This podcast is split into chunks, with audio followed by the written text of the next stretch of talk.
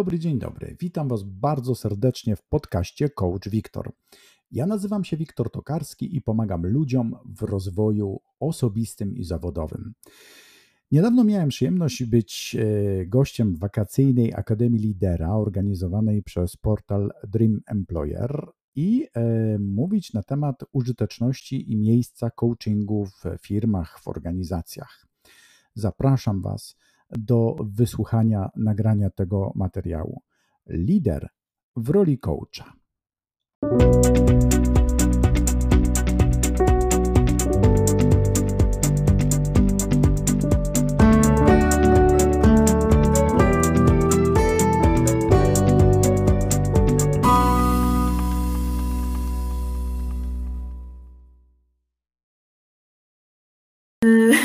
Witamy wszystkich bardzo serdecznie w ten upalny dzień. E, proszę dajcie znać e, na czacie, czy nas widać, czy nas słychać, jak dzisiaj Wasze e, samopoczucie. Poczekamy jeszcze chwilkę na pozostałych, którzy prawdopodobnie w tej chwili do nas dołączają. Muszę od razu zrobić takie zastrzeżenie. Dzisiaj będą nam e, towarzyszyły e, pieski po obu stronach. Zarówno u mojego gościa, u Wiktora w domu jest pies Sami, e, u mnie w domu jest ramen. Pieski się znają i przyjaźnią.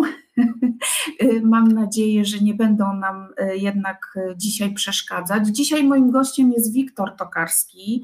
E, Wiktor od wielu lat zajmuje się szkoleniem w organizacjach, a od jakiegoś czasu również zajmuje się coachingiem. Zaprosiłam dzisiaj do nas Wiktora na to nasze spotkanie, bo ja poczułam bardzo dużą potrzebę odczarowania coachingu, więc dzisiaj będzie całkiem poważnie e, o coachingu. E, Wiktor obiecał, że będzie też trochę prowokował. Mam nadzieję, że e, dzisiaj macie ochotę mm, podzielić się z nami waszymi odczuciami, waszymi wątpliwościami, waszymi pytaniami. Jeśli, jeśli dobrze myślę, to Wiktor nie obrazi się tutaj na żadne trudne pytanie i chętnie na wszystkie mm, odpowie. Mm, gorąco zapraszam Was do podzielenia się tym, czym się na co dzień zajmujecie. Myślę, że to Wiktorowi też e, pomoże w podawaniu e, adekwatnych przykładów, do dzielenia się swoimi doświadczeniami.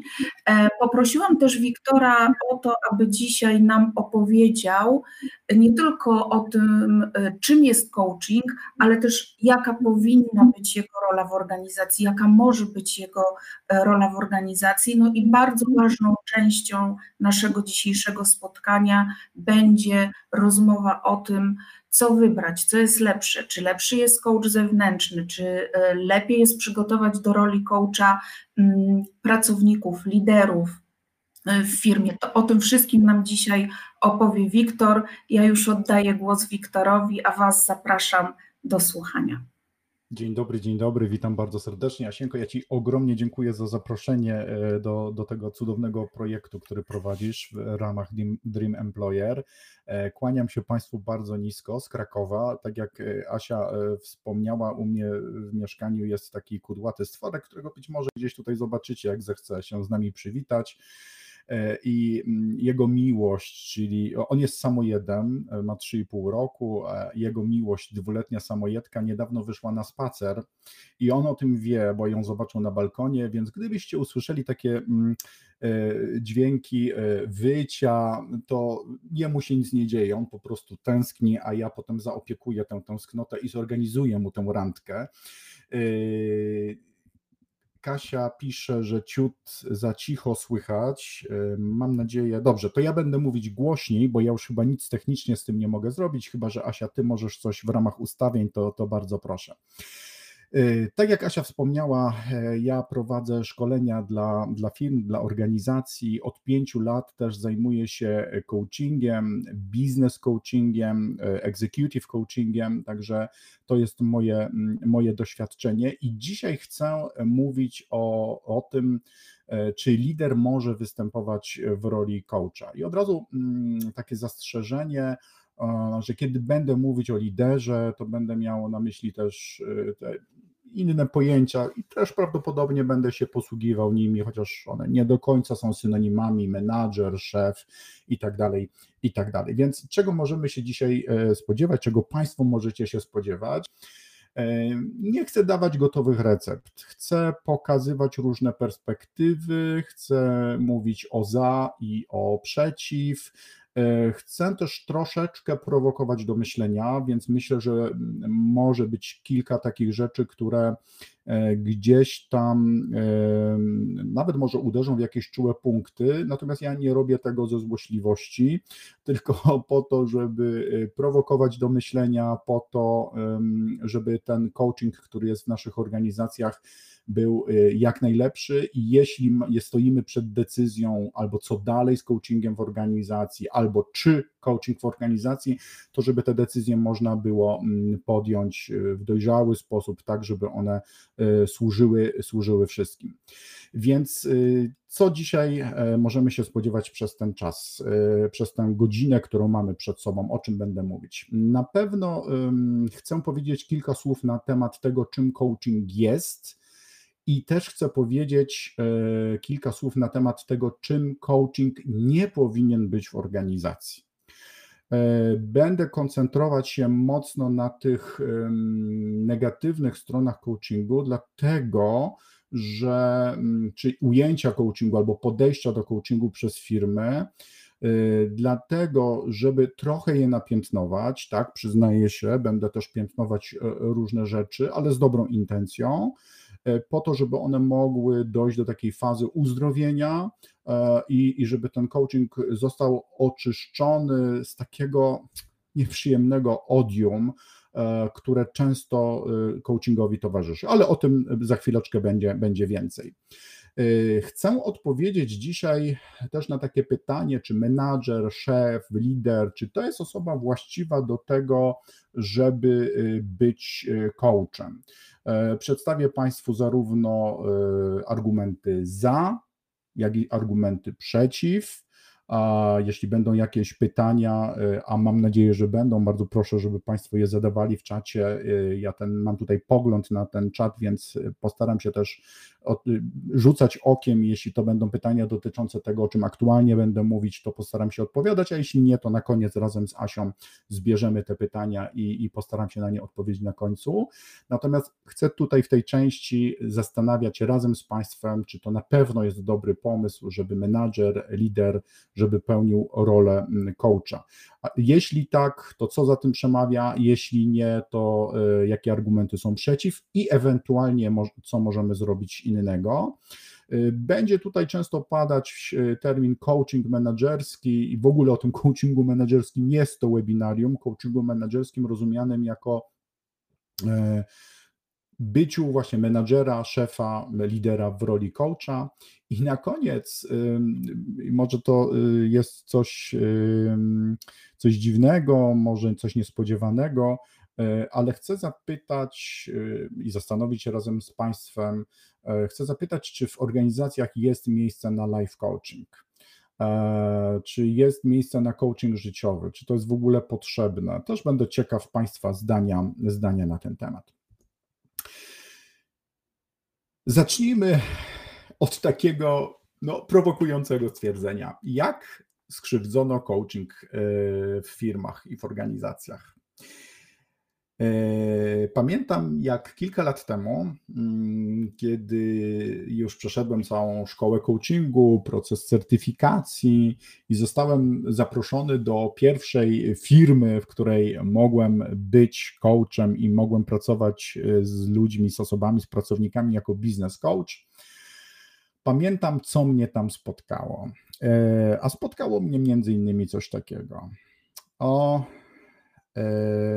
przyjedziesz nas coachować. W sensie będziesz nas dyscyplinować, e, będziesz e, wyciskać z nas siódme poty i będziesz prowokować nas do tego, żebyśmy robili jeszcze więcej i jeszcze mocniej, chociaż nie mamy już na to siły i pracujemy już na 120%.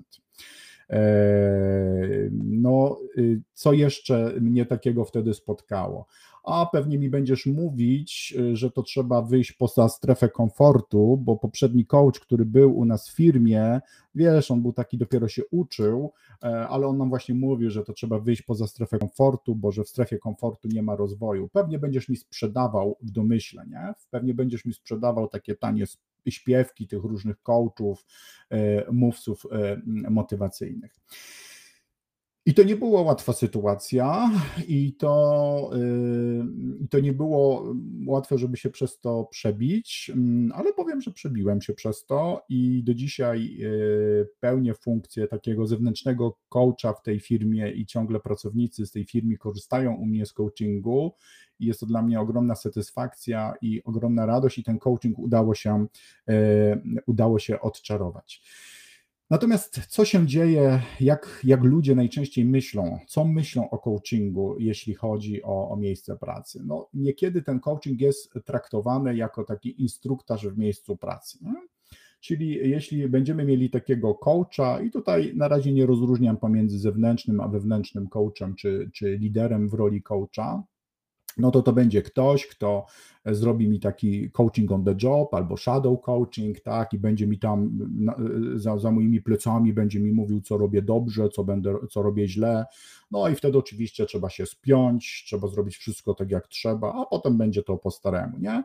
Czyli ten coaching często bywa mm, ujmowany tylko jako jakiś tak, nie wiem, instruktaż w miejscu pracy, coś, co ma spowodować, że ja będę pracować mocniej, że będę bardziej, że będę bardziej wydajny, że tej firmie dam jeszcze, jeszcze więcej.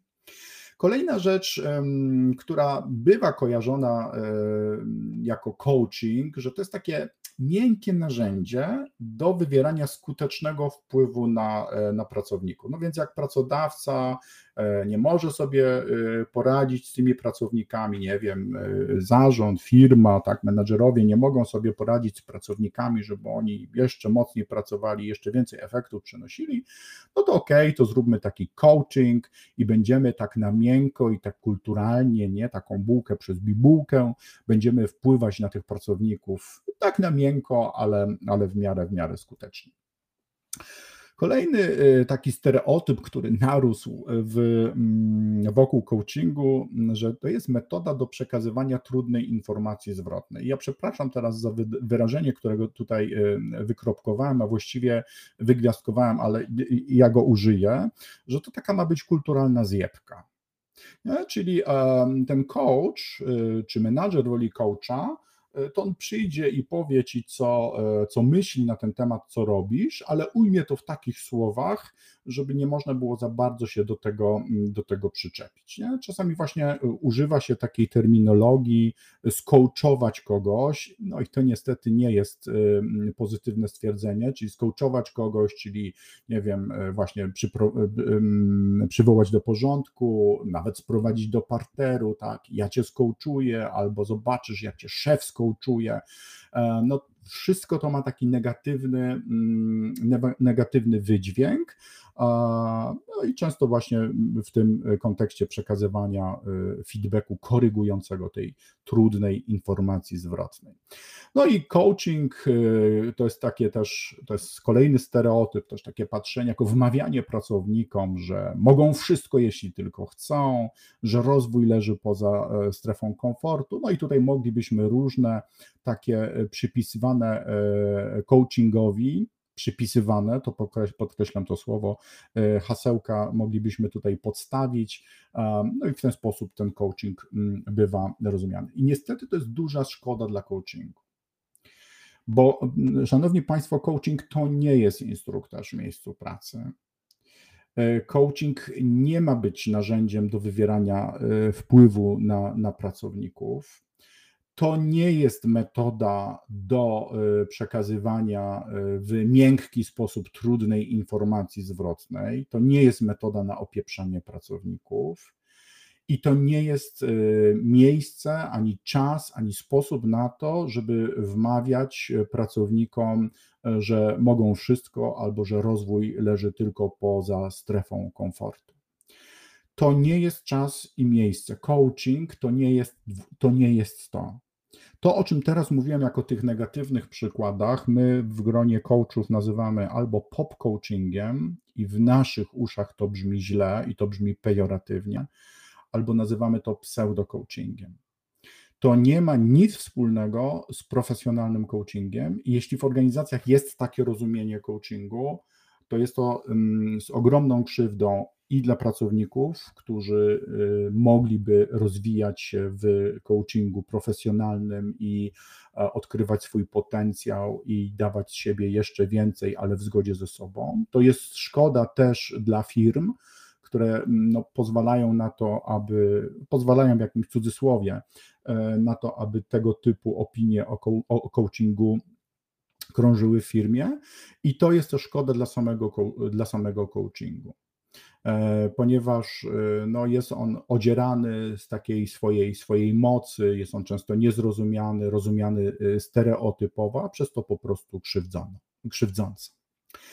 I teraz, czym jest profesjonalny coaching? Ja, proszę Państwa, mm, przygotowując się do tego spotkania z Państwem, do tego webinaru, przyjrzałem różne definicje coachingu, chociaż oczywiście znam niektóre, y, niektóre z nich, pewnie nie wszystkie, na pewno nie wszystkie. Przejrzałem różne definicje, aby wybrać jedną, no bo to też nie jest wykład akademicki, żebym ja teraz Państwu mówił 10 definicji coachingu, porównywał je i, i mówił, co jest z nich ok, co nie ok. I ja posłużę się mm, definicją e, stworzoną przez taką osobę, która nazywa się Jenny Rogers. Ja e, tutaj polecę od razu Państwu książkę na temat coachingu tej, tej osoby. E, I ona w, tej, w tym określeniu coachingów um, mówi bardziej o tym, kim jest coach i klient, jak ta relacja ma wyglądać, niż opisuje ten coaching jako taki, ale przez to, jak ona to robi, de facto mówi o tym, czym ten coaching jest i czym on powinien być. Więc zobaczmy, jak e, Jenny Rogers um, ujmuje właśnie to, czym jest coaching. Ona mówi tak, właściwie pisze: Coach pracuje z klientami aby dzięki ukierunkowanemu uczeniu się szybko, znacząco i trwale poprawili swoją efektywność w życiu osobistym i zawodowym. Jedynym celem coacha jest praca z klientem, aby ten rozwinął cały swój potencjał, tak jak sam go definiuje. I teraz, proszę Państwa, dlaczego ja wybrałem akurat tę definicję? Dlatego, że ona jest mi bardzo bliska. Ja jako coach pracuję z moimi klientami, czy zarówno z tymi, którzy trafiają do mnie na business coaching, jak i life coaching, jak i executive coaching, po to, żeby ten klient poprawił swoją efektywność, ale nie tylko w życiu osobistym, albo nie tylko w życiu zawodowym, ale i w jednym, i w drugim. Dla mnie to połączenie i widzenie człowieka w całym jego kontekście jest niesamowicie ważne. Ja jeszcze dzisiaj o tym będę mówić, ale dlatego ta definicja tak jest taka bardzo, bardzo ją czuję. To jest taka bardzo, bardzo moja definicja. I teraz to drugie zdanie, mega ważne. Jedynym celem coacha jest praca z klientem, aby ten rozwinął cały swój potencjał tak, jak go sam definiuje. Ten klient, jak definiuje ten potencjał. Natomiast słowa, które tutaj chcę podkreślić, to jedyny cel coacha. Praca z klientem, żeby ten klient mógł rozwinąć swój potencjał tak, jak on go definiuje. No i teraz prawdopodobnie Państwu tutaj już włączają się lampki kontrolne. Jeśli tak, to dobrze, a jeśli nie, to ja je teraz włączę no to jak to jest z tym coachingiem, kiedy my w firmie mamy e, menadżera, lidera, który jest w, w roli coacha? Czy rzeczywiście jest tak, że jego jedynym celem jest praca z klientem, żeby ten rozwija, rozwinął swój potencjał, tak jak go sam definiuje? Czy jedynie tak jest? Ja na razie stawiam tutaj znak zapytania, duży, ogromny. E, potem dojdziemy do tej odpowiedzi. No i instaluje te lampki kontrolne, które, które powinny nam się tutaj, mm, tutaj zapalać. Potem myślę, że stanie się to wszystko, wszystko jasne. Sześć zasad coachingu. I znowu to nie będzie wykład na temat coachingu, natomiast przytaczam te sześć zasad y, coachingu, też z książki Jenny Rogers, e, po to, żeby jeszcze lepiej mm, uzmysłowić Państwu, ale też w taki skrótowy sposób, czym ten coaching jest, jak powinien wyglądać i jak powinien być ukierunkowany także w firmach, także w organizacjach. Więc sześć zasad coachingu. Pierwsza zasada, że to klient jest źródłem zasobów.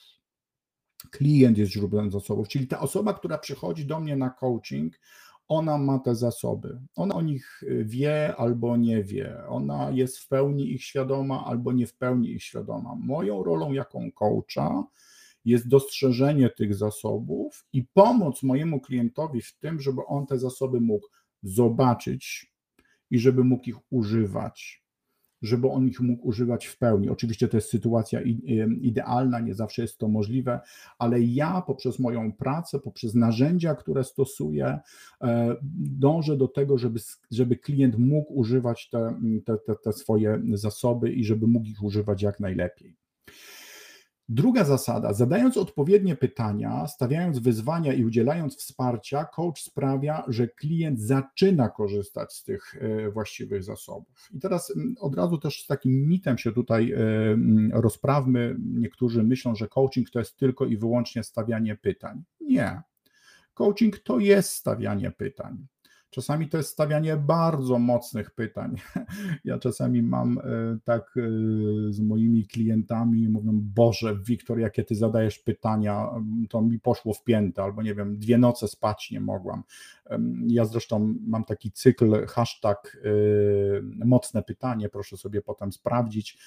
Też umieszczam grafiki z takimi mocnymi pytaniami i one naprawdę oddziałują na klienta. Ale wracając do tego drugiego punktu, do tej drugiej zasady, nie? Ja pracuję z klientem po to, e, żeby on mógł korzystać z tych własnych zasobów. Ja z nim współpracuję, ja mu stawiam pytania, ale ja mu też daję różne wyzwania, udzielam mu wsparcia. Jestem.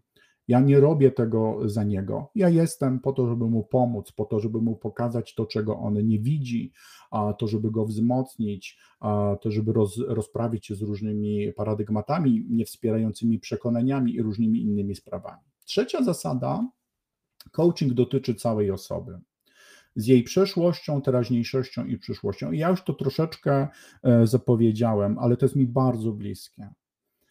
Nie ma coachingu, e, który, mm, który, który potrafi, znaczy inaczej, złym coachingiem jest ten, który oddziela człowieka w jego sferach prywatnej i zawodowej. Ja wiem, że to mocno brzmi. I wiem, że często takie jest wymaganie w firmach, OK, no to jak pan do nas przyjeżdża i będzie pan pracował z naszymi pracownikami, no to wie pan, to tylko cele biznesowe. My tutaj chcemy, żeby tam nie było zrzędzenia, że tam sobie ktoś z żoną nie radzi, albo z dziećmi, albo że coś tam, nie? Ja się nie zgadzam na coś takiego nigdy, ponieważ yy, człowiek to jest całość. I to, jak my funkcjonujemy w pracy, jest związane z tym, jak my funkcjonujemy w domu. To, jak funkcjonujemy w domu, jest bardzo często związane z tym, z czym my wracamy z pracy. I mm, jeśli jakaś firma nie pozwala mi na to, żeby pracować z człowiekiem, tak, z człowiekiem, tylko chce, żebym pracował ja tylko z pracownikiem, tak, czyli z tą częścią zawodową, to ja się na coś takiego nie zgadzam. Ja oczywiście rozumiem, że firma chce mieć, e, osiągać cele biznesowe i chce, żeby tutaj się koncentrować na, nie wiem, wydajności, rozwiązywaniu pewnych problemów i tak dalej, i tak dalej. Natomiast trzeba patrzeć na tego człowieka jako na całość. Ja też potem powiem, jak ja to rozwiązuję w firmach, kiedy na etapie mojego kontraktowania, współpracy z firmą e, ustalamy pewne zasady, tak jak ten coaching będzie, będzie wyglądał. Natomiast teraz już Państwu powiem, e, e, powtórzę to jeszcze raz, nie godzę się na to, żeby tylko zajmować się tą sferą pracy, bo to jest po prostu bezsensowne, to jest kontraproduktywne. Z tego nic dobrego wyjść nie może, jeśli się te rzeczy oddziela. Czwarta zasada coachingu, że to klient sam wybiera temat. No i teraz oczywiście lampki kontrolne nam się zapalają, ale jak to? No przecież my w coachingu zawodowym, y, przepraszam, w coachingu y, biznesowym, bo czymś innym jest troszeczkę coaching zawodowy, nie będę o tym dzisiaj mówić. W coachingu e, biznesowym czy executive coachingu, no to jak sobie klient sam wybiera? No jak jest z zarządu, z wysokiej kadry menedżerskiej, to sobie może sam temat wybrać, ale jak ja tutaj jakiegoś, nie wiem, menadżera niższego szczebla wysyłam, no to my mu narzucamy te cele. I tak i nie. Możemy mu zaproponować cele do rozwoju, ta osoba musi się zgodzić, powinna się zgodzić na to, żeby te cele do rozwoju realizować. Natomiast jeśli klient sam tych celów nie, mm, nie przyjmie jako swoich, to praca coachingowa zupełnie nie ma sensu. Dlatego nie ma sensu to, co powiedziałem na wstępie. Y, ok, przyjedzie jakiś tam Wiktor Tokarski, przyjedzie tutaj i on cię skołczuje, tak? Ja mu tutaj dam całą listę tych twoich różnych rzeczy, które masz i on cię skołczuje, tak? On doprowadzi do tego, że ty będziesz tym idealnym w naszym rozumieniu pracownikiem. Jeśli klient nie zasymiluje się z tymi celami, nie przyjmie ich, nie zinterioryzuje, to, to praca nie ma zupełnie, nie ma zupełnie sensu. I w tym sensie w tym coachingu e, liderskim, e, coachingu menedżerskim, w tym coachingu, który jest w firmach, a ten klient też wybiera sam temat, to znaczy on dostaje propozycję tej pracy, mm, nie wiem, od jakichś tam swoich przełożonych, tak, od, y, od menadżera swojego. Y, natomiast y, praca jest możliwa wtedy, kiedy on to przyjdzie powie: OK, tak, rzeczywiście to jest mój kłopot, albo nad tym chcę popracować, albo to jest mój zasób, ale jeszcze go nie wykorzystuję w pełni. Tak, Wiktor chce z Tobą na ten temat popracować. Więc w tym sensie tutaj E, można też mówić o tym, że ten coach, że ten klient wybiera sobie sam, e, sam sobie wybiera ten temat do, do rozwoju. I piąta bardzo ważna zasada, klient sam, klient i coach są osobami w relacji partnerskiej. W relacji partnerskiej ja nie jestem lepszy od moich klientów, nie jestem lepszy od tych osób, z którymi pracuję, nie jestem gorszy. Jesteśmy w relacji partnerskiej nie jesteśmy też w relacji zależności i nie możemy w niej być. I tutaj myślę, że się Państwu już wszystkie lampki czerwone pewnie zapalają, jak to jest z coachingiem, kiedy jest menadżer coachem. No, odpowiemy na to trochę później, ale to ma być ta relacja właśnie równa. Wtedy coaching jest w stanie naprawdę pomóc temu człowiekowi, jest naprawdę przynieść wspaniałe rezultaty. E, wtedy ten coaching ma, ma sens. I szósta, szósta zasada coachingu, że celem coachingu jest zmiana i działanie. Zmiana i działanie, tak? I to jest tak też w kontekście, czy, mm, bo nieraz y, w tych firmach, z którymi zaczynam współpracować, współpracuję, no w tych rozmowach wstępnych, dobrze, tylko żeby pan nie robił naszym pracownikom psychoterapii. No po pierwsze, ja nie mogę robić psychoterapii, bo nie mam takiego wykształcenia i, e, i to jest zupełnie inna, inna metoda, ale ja wtedy tłumaczę, czym jest coaching, tak? Celem coachingu jest zmiana. Celem coachingu jest działanie. Jeśli my się zastanawiamy, co tam gdzieś z przeszłości wpłynęło na ciebie, to tylko po to, żeby to mm, jakby wy, wziąć na powierzchnię, żeby ten klient mógł to zobaczyć okej, okay, tak miałem. No, być może trudno mi jest się dogadywać y, z, z ludźmi w pracy, ponieważ tak moje relacje zostały ukształtowane gdzieś tam w dzieciństwie, we wczesnym okresie. I ja to widzę, że ja to mam stamtąd, ale my się tym nie zajmujemy, bo to nie są kompetencje i to nie jest zadanie coachingu. My się zajmujemy tym, co jest tu i teraz, po to, żeby przyszłość była, e, była dalej, bo coaching jest ukierunkowany na zmianę i działanie. Yy, pójdźmy sobie dalej. No i teraz zacznijmy się zastanawiać, mm, jak to jest właśnie w tych, y, w tych dwóch rolach. I tutaj mm, po lewej stronie będą się Państwu mm, wyświetlały e, takie stwierdzenia dotyczące liderów, menadżerów, szefów w roli coacha. To jest ten kolor pomarańczowy, a ten kolor y, zielony po prawej stronie na tej mojej prezentacji będzie dotyczył coacha zarówno wewnętrznego, jak i coacha zewnętrznego. Czyli chcę podkreślić, coach wewnętrzny, który nie jest y, przełożonym danej osoby. Ok? To jest to rozróżnienie. Tam chyba tylko na końcu, ale to zwrócę uwagę, y, będzie jeden wyjątek, ale tutaj chodzi po prawej stronie to będą te stwierdzenia dotyczące coacha, który nie jest przełożonym osoby, z którą prowadzi coaching. I teraz tak. Jeśli lider prowadzi coaching, jeśli lider jest w roli coacha na swojego, dla swojego pracownika, no to menadżer jest odpowiedzialny za wynik tego klienta. No jest odpowiedzialny.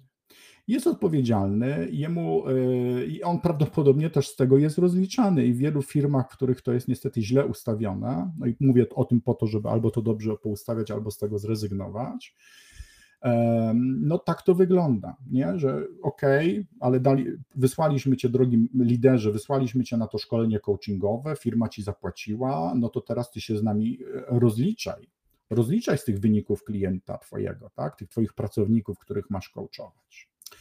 Natomiast jeśli w firmie jest coach y, wewnętrzny, y, który nie jest menadżerem, nie jest przełożonym dla tej osoby, którą coachuje, albo jest coach zewnętrzny, to jest jeszcze inna sytuacja, ale bardzo podobna, to coach nie jest odpowiedzialny za wynik klienta. I teraz, kiedy mm, my w gronie coachów rozmawiamy o tym, czym jest profesjonalny coaching i nieprofesjonalny coaching, czyli ten pseudo-coaching albo pop-coaching, to w pseudo-coachingu i pop-coachingu bywa często tak, że to coachowi bardziej zależy na tym, żeby osiągnął e, jego wynik, e, jego klient, żeby osiągnął wynik, niż samemu klientowi. I to jest niedopuszczalne. I to jest coś, co nie powinno mieć miejsca bo coach nie jest odpowiedzialny za wynik klienta. Coach jest odpowiedzialny za proces, coach jest, coach jest odpowiedzialny za dobór odpowiednich narzędzi, coach jest odpowiedzialny za to, żeby zbudować, yy, współodpowiedzialny za to, żeby zbudować atmosferę yy, otwartości, żeby zbudować relację, w której jest zaufanie. Tak, jak najbardziej, ale nie jest odpowiedzialny za, za, za, wynik, za wynik klienta. Druga taka rzecz, e, która mm, ma miejsce, jeśli e, w roli coacha występuje lider, lider menadżer czy szef, i to jest ogromna trudność. To jest coś takiego, że musimy być świadomi, że taki menadżer jest częścią świata tego człowieka, tego, tego, tego klienta, tego coachi, jak, jak, jak to się mówi profesjonalnie. I jako część tego świata ta osoba przyczynia się do części problemów swoich pracowników. I oczywiście życzę Państwu i jestem pewien, że macie część takich menadżerów, którzy nie mają problemu z zauważeniem tego i nie mają problemu z uznaniem tego, ale niestety moje obserwacje, nie, nie prowadziłem żadnych badań na ten temat, chociaż z wykształcenia jestem socjologiem i mógłbym, ale moje obserwacje są takie, że y, niestety menadżerowie mają z tym problem. I teraz wyobraźcie sobie Państwo, że do takiego menadżera przychodzi mm, taki, e, taki pracownik, dla którego ten menadżer jest równocześnie coachem, i ten pracownik co? On ma porozmawiać z tym, z tym menadżerem na temat, y, na temat problemów y, z nim samym, no oczywiście może, tylko na ile ten menadżer będzie potrafił się zdystansować do swoich emocji, na ile on nie będzie wchodził w rolę ofiary, albo na ile nie będzie próbował się bronić i tak dalej, i tak dalej. I to się robi tak niesamowicie skomplikowane przez tą relację zależności pomiędzy menadżerem a, e, a pracownikiem, który to menadżer występuje w roli e, coacha, a, a ten pracownik występuje równocześnie w roli jego klienta, czyli coaching, że zaczyna nam się tutaj dziać wielki galimatias. Wielki galimatias. I szczerze Państwu powiem, no jeśli macie takie doświadczenie, że to gdzieś tam u Was jednak dobrze działa, bo ten menadżer ma na tyle, na tyle dojrzałości, żeby uznać te swoje błędy, e, przyznać się do nich, ale że też te, ten pracownik ma odwagę, żeby pójść i powiedzieć, to okej, okay, to, to, to chwała za to, że, że w Waszych firmach tak jest i że Państwo współ, są za to pewnie współodpowiedzialni, że doprowadziliście do czegoś takiego, ale znowu moja obserwacja po, podpowiada, że jest to coś niesamowicie y, ważnego, że to jest taki biały kruk. No i mam, mam duże wątpliwości, E, czy warto tak po prostu przechodzić nad tym do porządku, e, do porządku dziennego i, po, i powiedzieć sobie, ok, no to musi być taka dojrzałość i, i oni muszą sobie z tym poradzić. Jeśli coach jest osobą z zewnątrz, albo przynajmniej jeśli nie jest e, przełożonym tego człowieka, czyli nie, nie, nie wiąże ich ten stosunek podległości, no to nie ma, nie ma tego kłopotu, tak? Czyli ten, ten klient przychodzi, po prostu rozmawia. OK, no z menedżerem też mam problem, z moim przełożonym też mam problem. Jak, jak możesz mi pomóc? Co ja mogę zrobić, żeby ten problem rozwiązać, tak? I nie ma już tutaj tego zaplątania. Jest łatwiej w tej sytuacji sobie poradzić. Weźcie to Państwo pod uwagę, bo jest to niesamowicie, niesamowicie ważne. E, kolejna rzecz, którą sobie pozwoliłem tutaj wypunktować, ale o której już w sumie e, mówimy, pracownik jest zależny od swojego przełożonego. Jeśli jest zależny, no to to ograniczenie jest, e, to zaufanie jest ograniczone. Jeśli jest zależny, to prawdopodobnie nie o wszystkim będzie chciał mówić w otwarty sposób. Żeby coaching y, mógł dobrze zadziałać, żeby coach mógł pomóc temu swojemu klientowi w tym, aby ten przepracował różne rzeczy, żeby ten pełnię potencjału zrealizował i tak dalej, i tak dalej, no to zaufanie jest kluczową sprawą. To jest, to jest sprawa fundamentalna i to zaufanie może się e, dokonywać właśnie w tych relacjach pomiędzy coachami a klientami, coachami, którzy nie są przełożonymi tej osoby. Oni są zobowiązani do zachowania tajemnicy. Oczywiście no, pewne gwiazdki tutaj można postawić i tak dalej, i tak dalej, e, co można raportować, co nie, i to się robi. Natomiast tutaj jest ta możliwość, potencjalna możliwość zbudowania zaufania i budowania szczerości. Jeśli jest relacja podległości, to jest tutaj ogromna trudność. Ja też nie chcę Państwu powiedzieć, że tego się nie da zrobić. Nie chcę tego powiedzieć, ale chcę Państwu powiedzieć z całym przekonaniem, że jest to o wiele trudniejsze.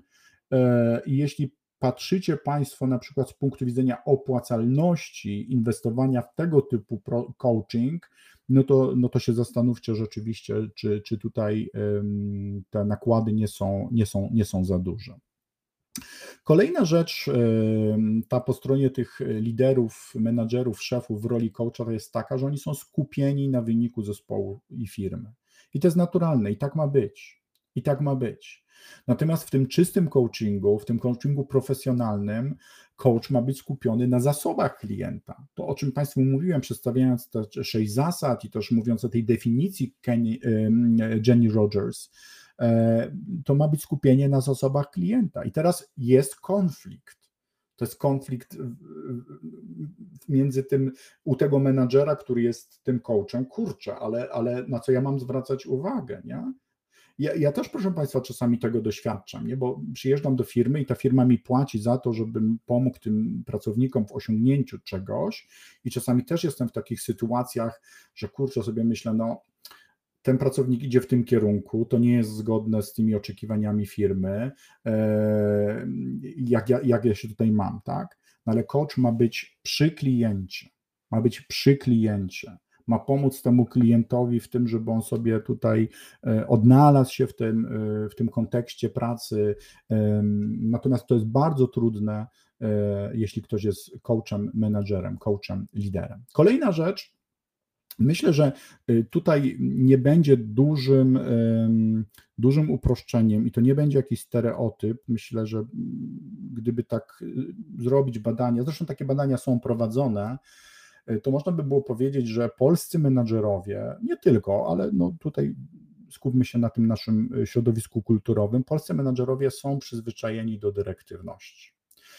E, ogólnie rzecz biorąc, bo jest cudownych mnóstwo wyjątków i zresztą jest taki trend, który pokazuje, że mm, ta dyrektywność menadżerów jest coraz niższa i niższa, jak najbardziej.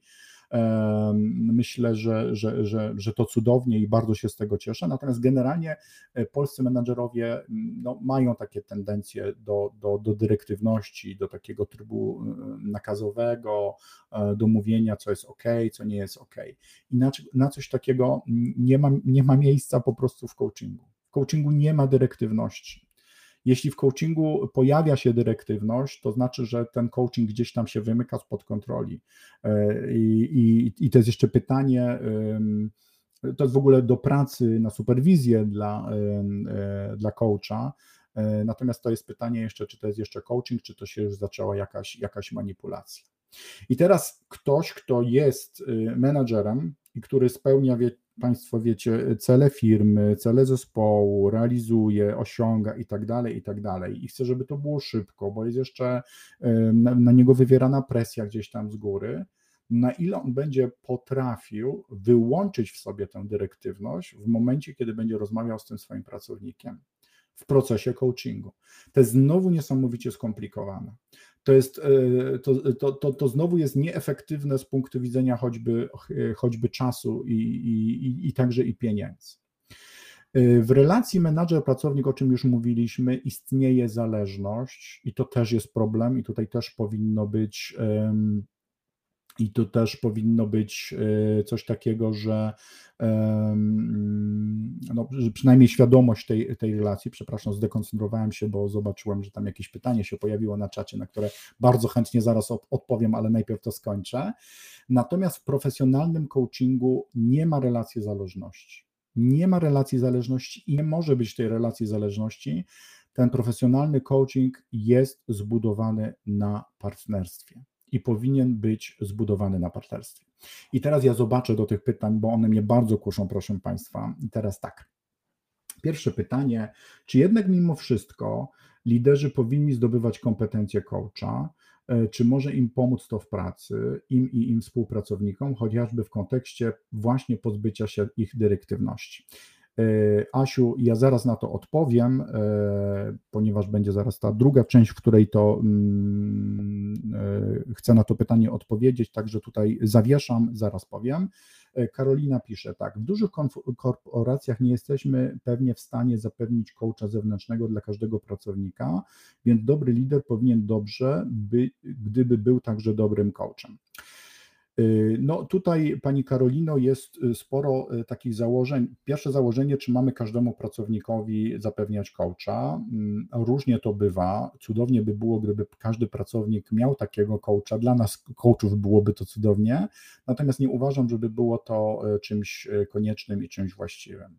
Coach to ma być ktoś, kto w pewnym okresie rozwoju pracownika wchodzi po to, żeby temu pracownikowi pomóc, a potem znika z jego życia to coach to nie jest ktoś, y, bo często mm, my myślimy o coachingu tak jakby to był trener sportowy, ok, wchodzisz do drużyny i ten trener jest ciągle i on ci mówi jak masz trenować i tak dalej, i tak dalej. Nie, nie, nie moi drodzy. To nie jest profesjonalny coaching. To jest pop coaching. To jest pseudo coaching.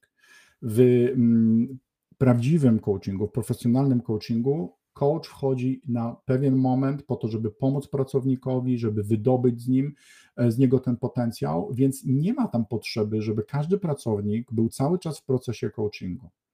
Ten coach zewnętrzny czy wewnętrzny, nie będący liderem, nie będący menadżerem, może sobie pozwolić na to, nawet żeby to no, w jakichś tam mniejszych organizacjach pewnie, żeby to można sobie pozwolić na to, żeby to była jedna osoba, ponieważ ona nie pracuje ciągle z wszystkimi pracownikami. Ona pracuje najpierw z tym, potem z tym, e, potem z tym, którym zakończy się jakiś proces coachingu, przechodzi do sesji follow-up, potem ten człowiek sobie radzi. Coach to nie jest ktoś, kto będzie pilnował efektów tej osoby. Coach to ma być osoba, która wydobędzie ten, pomoże tej osobie zauważyć ten potencjał, wydobyć, że ta, pomóc klientowi w nauczeniu się, jak w prawidłowy sposób działać, i ten klient potem sobie ma żyć i ma sobie pracować tak, jak sobie pracował. Coach znika.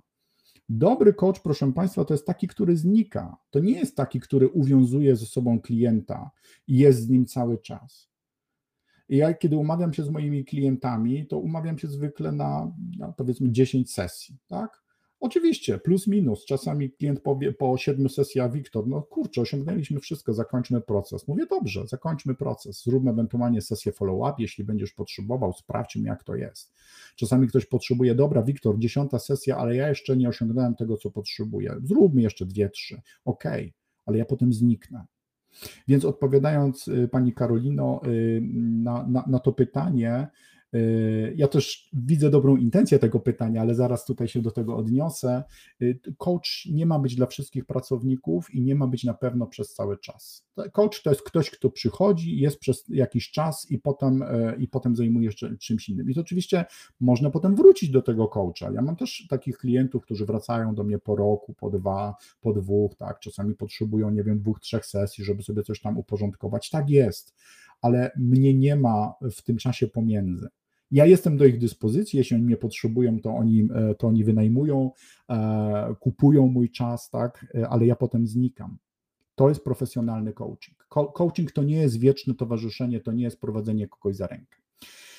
No i właśnie to jest, to jest to, co teraz wyświetliłem tutaj Państwu. Coaching menedżerski z założenia jest procesem ciągłym, to co pisze pani Karolina, mm, ciągłym, nieokreślonym w czasie i doraźnym. Czasami jest tak właśnie, że ten menadżer przychodzi do takiego pracownika, mówi, no tak, zróbmy sobie dzisiaj coaching, porozmawiajmy, tak, i no i to po prostu trwa, dopóki jesteś zatrudniony w tej firmie, dopóki jesteś w tym zespole, no to masz ciągle tego, tego coacha i on po prostu ciągle jest i, i tyle.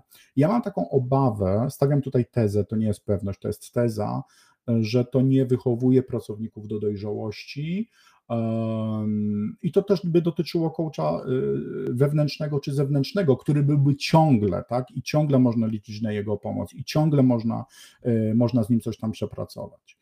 Coaching jest procesem czasowym jest ustrukturyzowanym. Jest y, określona ilość sesji, jest określony czas trwania, y, są określone bardzo ściśle formy tego wsparcia. To nie jest tak, że do coacha można w każdym momencie zadzwonić, to nie jest tak, że do coacha można w każdym momencie napisać, znaczy napisać można, ale to nie znaczy, że on w każdym momencie odpowie. Tam są ściśle wyznaczone zasady na etapie kontraktu, jak to ma wyglądać. I to nie jest dla wygody coacha, chociaż to też bywa wygodne dla nas, oczywiście ale to, to jest dla efektywności tego procesu. Bo ja albo mam nastawienie na to, i o tym mówi profesjonalny coaching, nastawienie na to, że ja mam wyzwolić z tego klienta pełny potencjał i on sobie ma sam radzić, to jest profesjonalny coaching, a pseudo-coaching to jest uzależnij klienta, żeby on ci płacił i żeby on powoli pracował, bo jak on będzie powoli pracował i będzie od ciebie uzależniony, to ty będziesz na tym zarabiał. No, chrońcie się Państwo takich, takich sytuacji. I jeszcze jedna mm, bardzo poważna sprawa. Praca menadżerów jako coachów zazwyczaj nie jest superwizowana. I powiem Państwu, e, nie wiem, to ja stawiam tezę. Jeśli jest u Państwa inaczej, to mi powiedzcie, bo ja też chętnie się dowiem, ale ja osobiście nie słyszałem jeszcze o jakimś menadżerze, liderze, szefie, który by pełnił rolę coacha, który miałby swojego superwizora. W coachingu, superwizora w coachingu i to jest bardzo duże zagrożenie, bardzo duże. Natomiast coach zewnętrzny, tutaj mówię tylko o zewnętrznym coachu, powinien być poddawany superwizji. Powinien być poddawany superwizji i my jako coachowie, e, którzy pracujemy w coachingu, e, mamy etyczny obowiązek, moralny obowiązek do tego, żeby poddawać naszą pracę superwizji. To się zazwyczaj nie dzieje, jeśli chodzi o menadżerów, którzy są coachami. I ja tutaj y, z tej prawej kolumny wykluczyłem tego coacha wewnętrznego, bo mi się wydaje, że y, ci właśnie coache y, i coachki wewnętrzne raczej też superwizji nie mają. No więc proszę mi to, nie wiem, proszę mnie wybić z tego mojego myślenia. Jeśli Państwo macie inne doświadczenia, ja bardzo chętnie się na ten temat coś dowiem. I teraz tak. Czy lider powinien wchodzić w rolę coacha? Za i przeciw. No i argumenty za. Jak najbardziej można powiedzieć, że to jest dobre, to jest dobre dla firmy, bo ten coach zewnętrzny to, to, to, to są koszty. Coach wewnętrzny, który jest menadżerem, czyli wykonuje tak naprawdę dwie roboty naraz, to jest duża oszczędność, on zna dobrze tych ludzi i tak dalej, i tak dalej, i tak dalej. No więc są to oszczędności dla firmy, niewątpliwie, niewątpliwie. A Argumentem za to jest to, że, y, że to może przynieść duże, y, duże e, korzyści dla pracowników, ale uwaga, ja tutaj celowo dopisałem to, jeżeli coaching jest coachingiem, a nie pseudo-coachingiem. Okay? Czyli jeśli mm, ten, ten menadżer, ten lider mm, potrafi być, oddzielić to, to jest bardzo trudne potrafi to oddzielić. Rzeczywiście ten coaching jest coachingiem, a to nie jest tylko próba wywierania dodatkowego wpływu na tego, na tego pracownika za pomocą metod coachingowych, e, używanych lepiej, gorzej, niekoniecznie w sposób etyczny. E, e, to jeśli coaching jest coachingiem, to rzeczywiście to może wnieść duże korzyści dla, dla pracowników. To też jest możliwość rozwoju dla lidera, no bo jeśli taki lider, menadżer, on rzeczywiście został przygotowany do tej roli, jeśli on rzeczywiście jest ma, zdobył odpowiednie wykształcenie, y, przeszedł, nie wiem, przez kurs, przez jakąś profesjonalną szkołę coachingu i tak dalej, i tak dalej, to to jest dla niego rozwój. To też jest, i to jest dobre dla niego, i to jest dobre dla firmy, jak najbardziej. Y, firma też zyskuje wiedzę ekspercką na temat coachingu, tak? No bo skoro mamy człowieka, który przeszedł przez taki kurs, który też się tym zajmuje, no to mamy tą wiedzę, ona jest wewnątrz firmy, dzięki temu ta wiedza może być wykorzystana w różnych, w różnych sytuacjach i to jest zdecydowanie coś bardzo dobrego i to jest argument za tym, żeby ci coachowie byli, byli mm, ci liderzy byli w roli coachów. No i dzięki temu też osiągamy skuteczniej cele biznesowe. Ja oczywiście znowu zakładam, że ten coaching jest naprawdę coachingiem i że to jest zrobione, zrobione profesjonalnie. Natomiast argumenty przeciw. Argumenty przeciw. E, pierwszy argument to jest to, że jeśli menadżer jest w roli coacha, jeśli lider jest w roli coacha, to niestety często narzędzie, jakim jest coaching, e, bywa traktowane jako forma wywierania nacisku, zbytniego wpływu, nieetycznego wpływu, tak? Ponieważ to jest duże uwikłanie e, relacyjne, tak? Czy ty jesteś teraz menadżerem, czy ty jesteś coachem? Właściwie ty jesteś i coachem, jesteś i menadżerem, tak? Kurczę, no to, to jest jakby dodatkowa władza nad tym pracownikiem i to, to jest bardzo, bardzo wątpliwe. Mi się tutaj zapalają y, wszystkie lampki ostrzegawcze, kiedy, kiedy widzę takie sytuacje.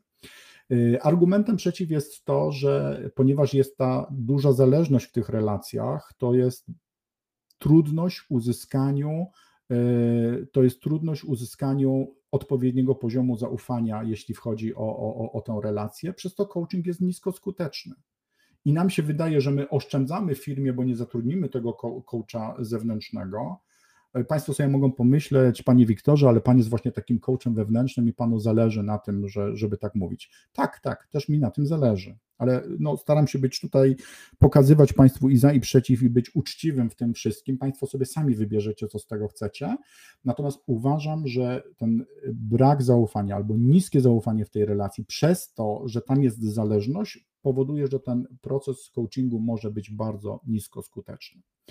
E, argumentem przeciw jest też e, właśnie brak tej superwizji. E, ja to nazwałem tak brak usystematyzowanych procedur pracy coacha.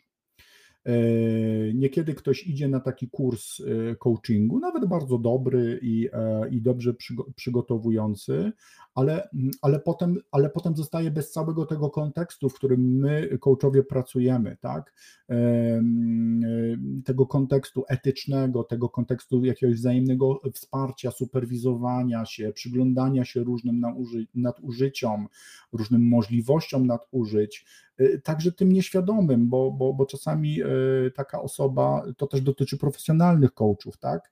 Może coś robić w dobrej wierze i z użyciem całej swojej swojej dobrej e, wiedzy zdobytej wcześniej, ale prowadzi do jakiegoś nieświadomego nadużycia. To są niebezpieczne rzeczy.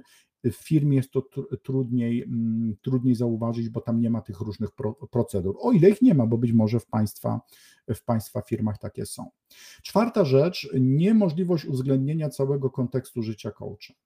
E, dlaczego niemożliwość? Dlatego, że no, yy, zwykle to tak jest, że to, y, że te sprawy jakby życia osobistego się zostawia poza tą firmą. Nie?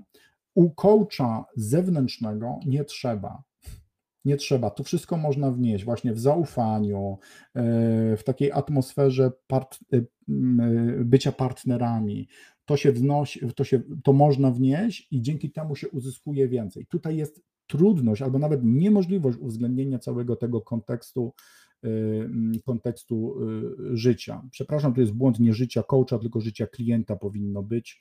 Y, to, to, to, to mój błąd, za co przepraszam. Trudność, nie, niemożliwość rozdzielenia roli menadżera i coacha, no, kiedy ten przełożony mu jest przełożonym, a kiedy jest coachem. No właściwie no, cały czas jest coachem, ale też jest cały czas przełożonym. No to czy ja mogę, czy ja nie mogę? No jak ja mu przyjdę, ja mu powiem o trudnościach, czy on mnie nie zwolni, tak? To, to dobrze na proces coachingu i na proces rozwoju nie, nie wpływa. I szósty argument przeciw to jest wypaczenie samej idei coachingu. Ja mam takie właśnie wrażenie, że przez to, że to jest wszystko takie zagmatwane, że to jest takie pomieszane i że my nazywamy, e, to pani Kasia tutaj pisze, że jak jest coś do wszystkiego, to jest do niczego. Pewnie mógłbym się tutaj zgodzić z takim stwierdzeniem, ale dochodzi do takiego wypaczenia idei coachingu. Ponieważ jeśli ten lider, jeśli ten menadżer, on został no, nawet przygotowany, ale on jeśli pełni rolę tego coacha, to no, zaczyna nam się to wszystko mieszać. Dochodzi do, do, do różnych niespodziewanych sytuacji.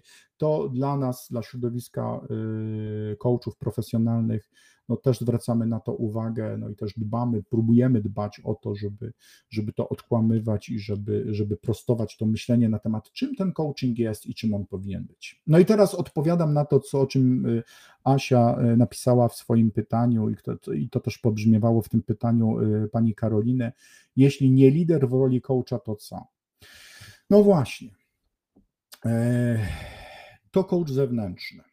To coach zewnętrzny, który jest niezwiązany z firmą w takim sensie, że nie jest w niej zatrudniony, nie jest, y, nie jest w tych różnych relacjach zależności w firmie e, i po prostu, po prostu tak, to, tak, tak, to, tak to jest. Coach zewnętrzny. Coach zewnętrzny. Może to być też coach wewnętrzny, ale to jest bardzo ważne, żeby ten coach wewnętrzny nie był przełożonym tej osoby. Nie był przełożonym tej osoby. I trzecia rzecz to narzędzia coachingowe w pracy menadżera, lidera, szefa. I tutaj jest moje absolutne tak. To jest moje, proszę Państwa, absolutne tak. Jeśli menadżer, lider, szef potrafią stosować narzędzia coachingowe bo narzędzia coachingowe nie są zarezerwowane dla, e, dla coachów. One mogą być stosowane przez innych ludzi także. Jak najbardziej. Jeśli ten menadżer, nie nazywając siebie coachem, mówi takiemu pracownikowi: OK, to ja ci pomogę, bo wiesz, bo ja byłem na takim szkoleniu z coachingu, ja tam poznałem takie super narzędzie i ja nie jestem coachem dla ciebie, ja jestem twoim menadżerem, ale ja mogę ci pomóc. Chcesz? Chcę. No i teraz sobie na przykład wejdziemy, przejdziemy sobie przez, e, przez groła całego, nie? Nie będę już teraz wnikał, co, e, co to jest. Albo, nie wiem, zadam Ci takie mocne pytanie, które usłyszałem ostatnio, bo ja wiesz, ja też się zajmuję e, coachingiem. To jak najbardziej. I to jest absolutnie cudowne i, i absolutnie, absolutnie wspaniałe. I Karolina, pani Karolina pyta, czy dobry lider powinien być zarówno menadżerem i coachem? Według mnie nie. Natomiast dobry lider powinien, warto by było, żeby dobry lider miał umiejętności coachingowe, żeby stosował narzędzia coachingowe, ale żeby to, co robi wobec swoich pracowników, dla których jest przełożonym i dla których, z którymi jest związany relacjami zawodowymi, żeby nie nazywać tego coachingiem. Ok, ja ci mogę pomóc, ja ci mogę pomóc. I teraz oczywiście Pani Karolino, drodzy Państwo, nasuwa się tutaj koncepcja Kena Blancharda. Pamiętacie Państwo zarządzanie pewnie sytuacyjne, tam są te cztery poziomy rozwoju pracownika i tam jest ten, ten, czwarty, mm, ten czwarty pracownik, czyli już taki samodzielny ekspert, no i Ken Blanchard i wszyscy ci, którzy tam popierają tę koncepcję, mówią, że tutaj stosujemy to y, zarządzanie za pomocą coachingu. Rzeczywiście, tak, jak najbardziej, czyli stosujemy narzędzia coachingowe do zarządzania, ale nie nazywamy siebie coachem, tak? Ja nie jestem twoim coachem, drogi współpracowniku, pracowniku, ale wobec ciebie mogę zastosować narzędzia coachingowe. Mogę ci zadać e, pytanie, mogę zadać ci mocne pytanie, mogę ci pomóc z jakąś tam metodą, mogę ci coś podpowiedzieć, ale ciągle jestem w relacji e, menedżerskiej z tobą, tak? Jestem twoim menedżerem, ty jesteś moim pracownikiem, pracujemy razem w zespole. Więc odpowiadając na pytanie Karoliny, pani Karoliny, czy dobry lider powinien być zarówno menadżerem i coachem? Uważam, że nie. Natomiast uważam też, że dobry lider warto, żeby znał metody coachingowe po to, żeby je stosować w swojej pracy menadżerskiej, nie nazywając się e, menadżerem nie, nie nazywając się coachem. I ja to e, wiem, że to jest prowokujące, bo wiem, że w niektórych firmach jest inaczej i wiem, że to dla niektórych jest wywrócenie świata, ale to Państwo zdecydujcie, co sobie z tego bierzecie i, um, i czy rzeczywiście, i czy, czy rzeczywiście to ma dla Państwa rację bytu. I teraz ostatnia rzecz. Czy jest miejsce na live coaching w firmie? Proszę Państwa, ja już powiedziałem o tym, że y, jeśli firma ode mnie wymaga, że ja oddzielę pracownik, y, człowieka, y, w człowieku oddzielę pracownika od, nie wiem, męża, partnera, żony, partnerki, nie wiem, czyli kontekst prywatny od zawodowego w procesie coachingu, to to jest niemożliwe. Ja, ja się nie podejmuję takiego zadania. Ja pracuję z całym człowiekiem. I w tym kontekście chcę Państwu powiedzieć, bo też prawdopodobnie jesteście osobami, które mogą, mogą jakby no, też tę, tę ideę rozpowszechniać, że w firmie też jest miejsce na y, live coaching i powinno być to miejsce i nie trzeba się tego bać, Bo to, że my pomożemy za pomocą coachingu pracownikowi w rozwiązaniu spraw trudnych, życiowych, osobistych, jeśli oczywiście on będzie tego chciał, tak, bo on nie musi tego chcieć w firmie, ale jeśli stworzymy mu taką przestrzeń, to my dzięki temu też zyskujemy pracownika, który jest bardziej lojalny, bardziej efektywny, pracownika, który bardziej siebie rozumie. I ja jestem absolutnym zwolennikiem tego, żeby właśnie w firmach wprowadzać w ogóle e, life coaching i tak go też nazywać, albo żeby w tym kontekście, kontekstu, e, kontekście biznesowym coachingu było miejsce na sprawy życiowe, bo często te źródła problemów w pracy kryją się w problemach w życiu osobistym. No my nie jesteśmy, nie da się zostawić, nie wiem, głowy e, e, w domu i przyjść bez głowy do pracy, czy na odwrót prawdopodobnie Państwo by chcieli, ja też w sumie, ale po prostu nie da się oddzielić. No my nie jesteśmy dwoma osobami, tylko jesteśmy jedną osobą. Tak, to, to co się ukształtowało w naszym dzieciństwie w nas, nasze przekonania, wzorce zachowań, one wpływają na naszą pracę.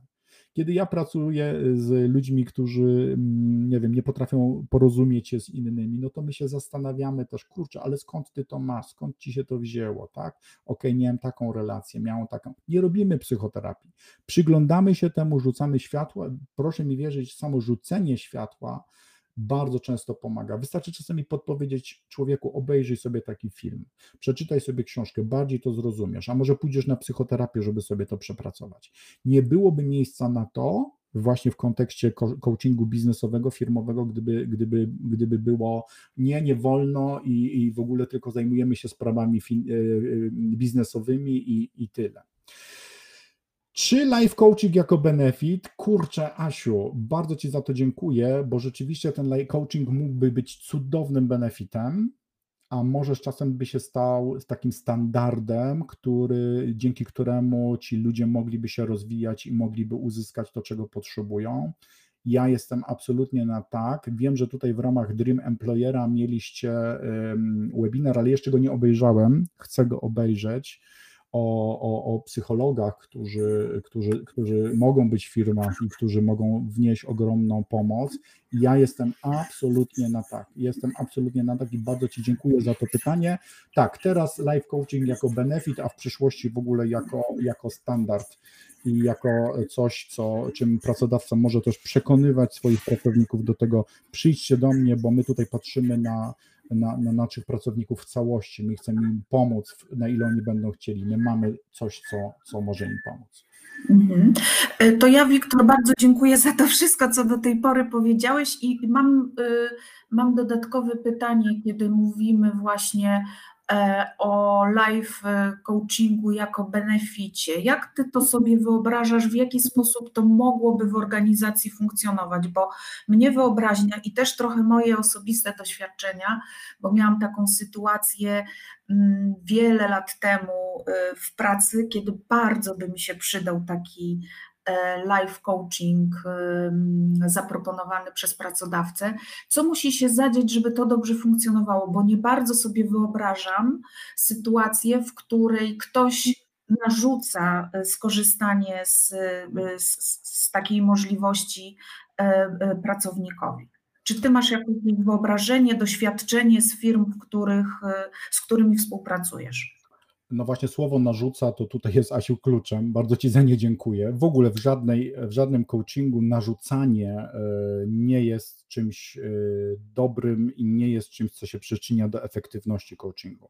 Coaching w ogóle, teraz mówię o całym coachingu, powinien być proponowany, E, czasami, ok, widzimy, że jest konieczność, ale no też musi być świadoma zgoda pracownika i taka, takiego stanięcie w prawdzie, kurczę, tak, rzeczywiście mam tym problem, potrzebuję pomocy z zewnątrz, ok, dajcie mi tego coacha, albo zgadzam się na to, że na tą waszą propozycję. Więc na pewno to nie może być, e, to nie może być narzucone. W różnych firmach, ale to jest doświadczenie raczej z Europy Zachodniej i ze Stanów Zjednoczonych, także Kanady, to bywa układane w różny sposób. Na przykład bywa tak, że w firmie jest y, dyżur coachingu, coacha. I jest taki coach, który powiedzmy przychodzi we czwartki i y, we wtorki i czwartki i on po prostu jest przez 6 godzin i on sobie tam po prostu czeka w takim, w takim specjalnie przygotowanym pomieszczeniu. Jak ktoś ma ochotę przyjść o czymś pogadać, to po prostu przychodzi i, i, i sobie rozmawia. I to po prostu jest. I nikt, to jest to, co no, często też słyszymy tak o, y, o, o benefitach w firmach, które zajmują z, z, IT, tak, że na przykład no, możesz pójść na masaż, ponieważ masz spięte plecy, nie?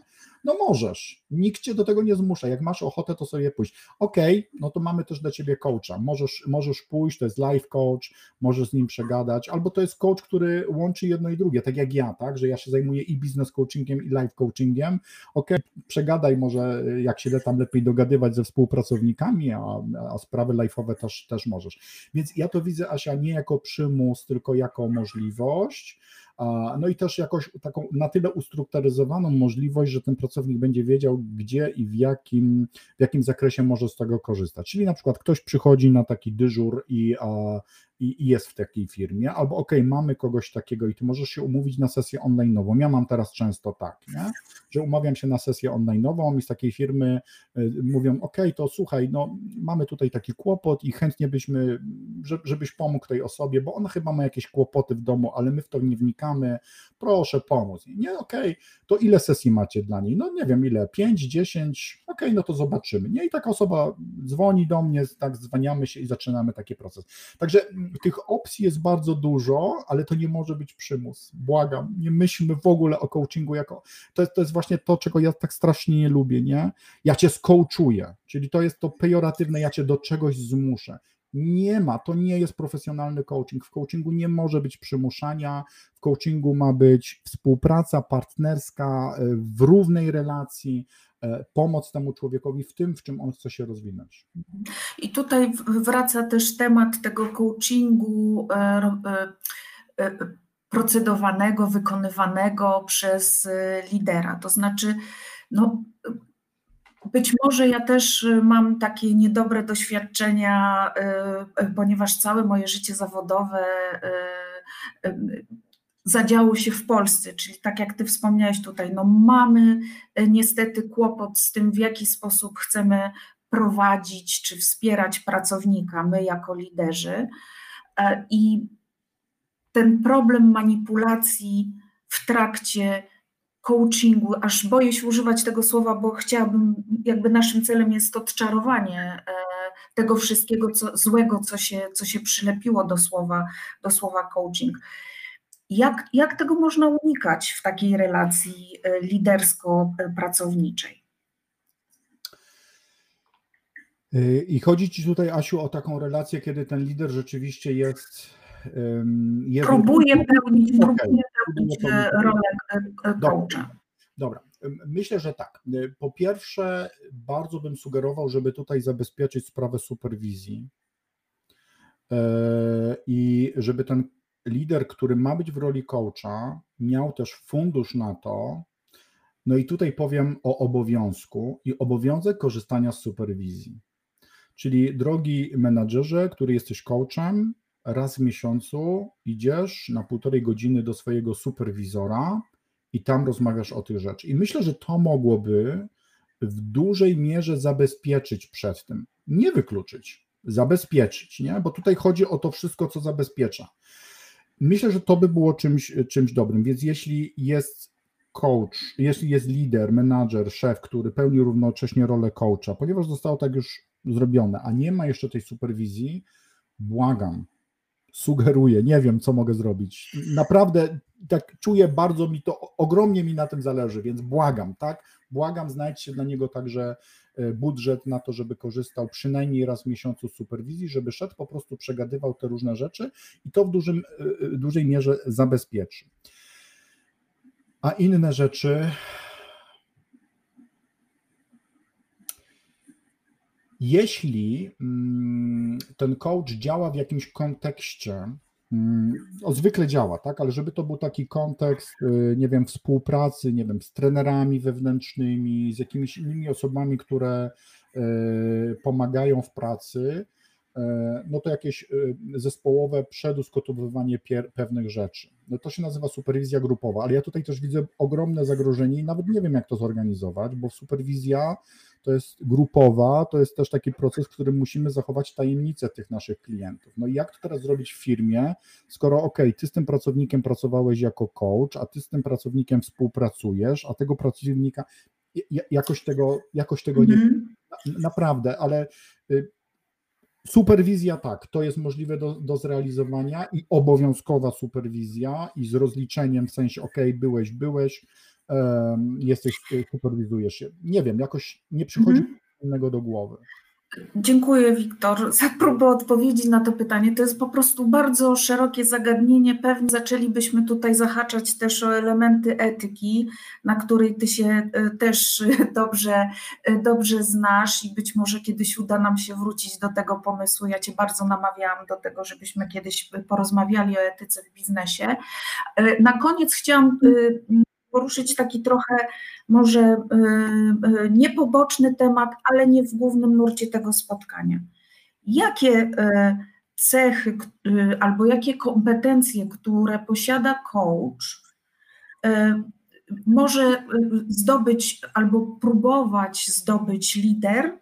żeby sobie w pracy pomóc, bo, bo jednak ta mhm. praca coacha wymaga pewnych kompetencji, uczymy się pewnych narzędzi, tak jak mówiłeś, jeżeli mamy wśród naszych uczestników dzisiaj liderów albo osoby, które y, planują albo wiedzą, że będą awansować y, i będą się zajmowały zespołem i, i chcą troszkę skorzystać z tych narzędzi coachingowych, to od czego zacząć, od jakiego nastawienia, od jakiej myśli, jakaś taka pierwsza początkowa wskazówka, bo, bo lekturę już podpowiedziałeś wcześniej. Tak. To jest jedna y, z podstawowych lektur, y, ale tak, rzeczywiście ją podpowiadam. Co na pewno? Na pewno praca nad świadomą y, komunikacją, aktywnym słuchaniem, praca nad przekonaniami. E, to jest bardzo mocne, żeby taki menadżer, który pracuje z człowiekiem, żeby on miał świadomość swoich wspierających i niewspierających przekonań, po to, żeby nie sprzedawać swoich niewspierających albo nie wzmacniać niewspierających u, u klienta to y, na pewno konieczność takiej własnej i ciągłej pracy nad, y, w zakresie samorozwoju, takiego doskonalenia e, siebie, tak? Czyli to no, my jako coachowie, no, okej, okay, nie wiem, nie wszyscy, ale to środowisko tych coachów, którzy chce, no, pretenduje do tego, żeby mówiono o nich profesjonalny, profesjonalni coachowie, my jesteśmy cały czas w rozwoju, tak? Cały czas y, jak, y, jakieś kursy, cały czas y, poszerzanie tego zasobu narzędzi, wiedzy o sobie tak? Niektórzy z nas są w procesach terapii, e, wielu z nas jest, jeśli nie w procesie terapii, to na pewno w procesie superwizji, żeby przegadywać te rzeczy. Więc takie budowanie świadomości siebie, poznawanie siebie, budowanie też zdolności komunikacyjnych, zwracanie uwagi na, y, na też na, na, na, komunikację, na siłę tej komunikacji, praca nad empatią. O, dobrze, że mi to wpadło teraz do głowy. To jest też kluczowe, nie? Żeby być empatycznym wobec tego człowieka, żeby umieć go zrozumieć, żeby umieć stanąć obok, y, obok, obok niego. No i oprócz tego szereg cudownych narzędzi coachingowych, które można wykorzystać do motywowania pracownika, do ustalania z nim celów, do takich bardzo ustrukturyzowanych rozmów. E, zresztą zaraz zajrzę, bo wydaje mi się, że w tej książce e, Jenny e, Rogers są też te narzędzia. Nie jestem pewien, nawet ich teraz nie umiem znaleźć, ale w tych książkach poświęconych coachingowi są takie narzędzia coachingowe, które liderzy, menadżerowie mogą wykorzystać do pracy, e, do, do, do pracy, ale zacząć od pracy nad sobą i e, nad tymi swoimi tak zwanymi kompetencjami miękkimi, i to wtedy, i to wtedy pomoże. Zrobi sobie taką po prostu porządną szkołę coachingu, porządne szkoły zakresu studia. Jasne. To podsumowując z tego, co Ty mówisz, z tego, co ja czuję i w co bardzo mocno y, wierzę, to ja bym to podsumowała w ten sposób, że zacznijmy od życzliwości do drugiego człowieka, wydaje mi się, że coach musi życzliwie myśleć o tej drugiej osobie, dobrze jej życzyć, ciepło o niej myśleć, żeby razem z tą drugą osobą e, przejść tę drogę do osiągnięcia e, wyznaczonego celu. Zdecydowanie tak, życzliwość, empatia i ja bym do tego dodał jeszcze wysoki poziom samoświadomości swoich własnych mocnych stron, słabych stron, już tutaj w kontekście lidera w roli coacha, duży poziom samoświadomości, dystansu też do siebie, takiego podejścia do siebie też z humorem, to bardzo, bardzo pomaga, żeby tego drugiego człowieka nie skrzywdzić, żeby mu pomóc i żeby na ile to jest możliwe, żeby wejść w relację partnerską, pełną zaufania, bo wtedy ten coaching działa. On nie działa wtedy. On się wtedy staje narzędziem przemocy, a wtedy działa, jak my jesteśmy tutaj. To z tą myślą może zakończmy nasze dzisiejsze spotkanie. Bardzo Ci, Wiktor, y, dziękuję. Y, zachęcam osoby, które się zaciekawiły tematem, zachęcam do kontaktu y, z Wiktorem. Ja poproszę Wiktora jeszcze po naszym spotkaniu, żeby być może polecił kilka tytułów książek, po które warto w pierwszym rzędzie sięgnąć. Kiedy będziemy się z Wami dzielić e, nagraniem z tego spotkania, to po prostu te tytuły e, Wam również w mailu przekażemy. Dziękuję, Wiktor. Bardzo, bardzo Asienko dziękuję za, za zaufanie i e, za możliwość bycia tutaj z Państwem. Państwu dziękuję za uwagę i, i za pytania i za te informacje zwrotne, których teraz y, y, przekazujecie. Było mi ogromnie miło i już się cieszę na następne spotkanie. Może o etyce, może o czymś innym zobaczymy, ale traktuję to Asiu jako Twoje zaproszenie otwarte. Podtrzymuję. Do zobaczenia, do usłyszenia. Dobrego dnia wszystkim. Pozdrawiam. Do widzenia.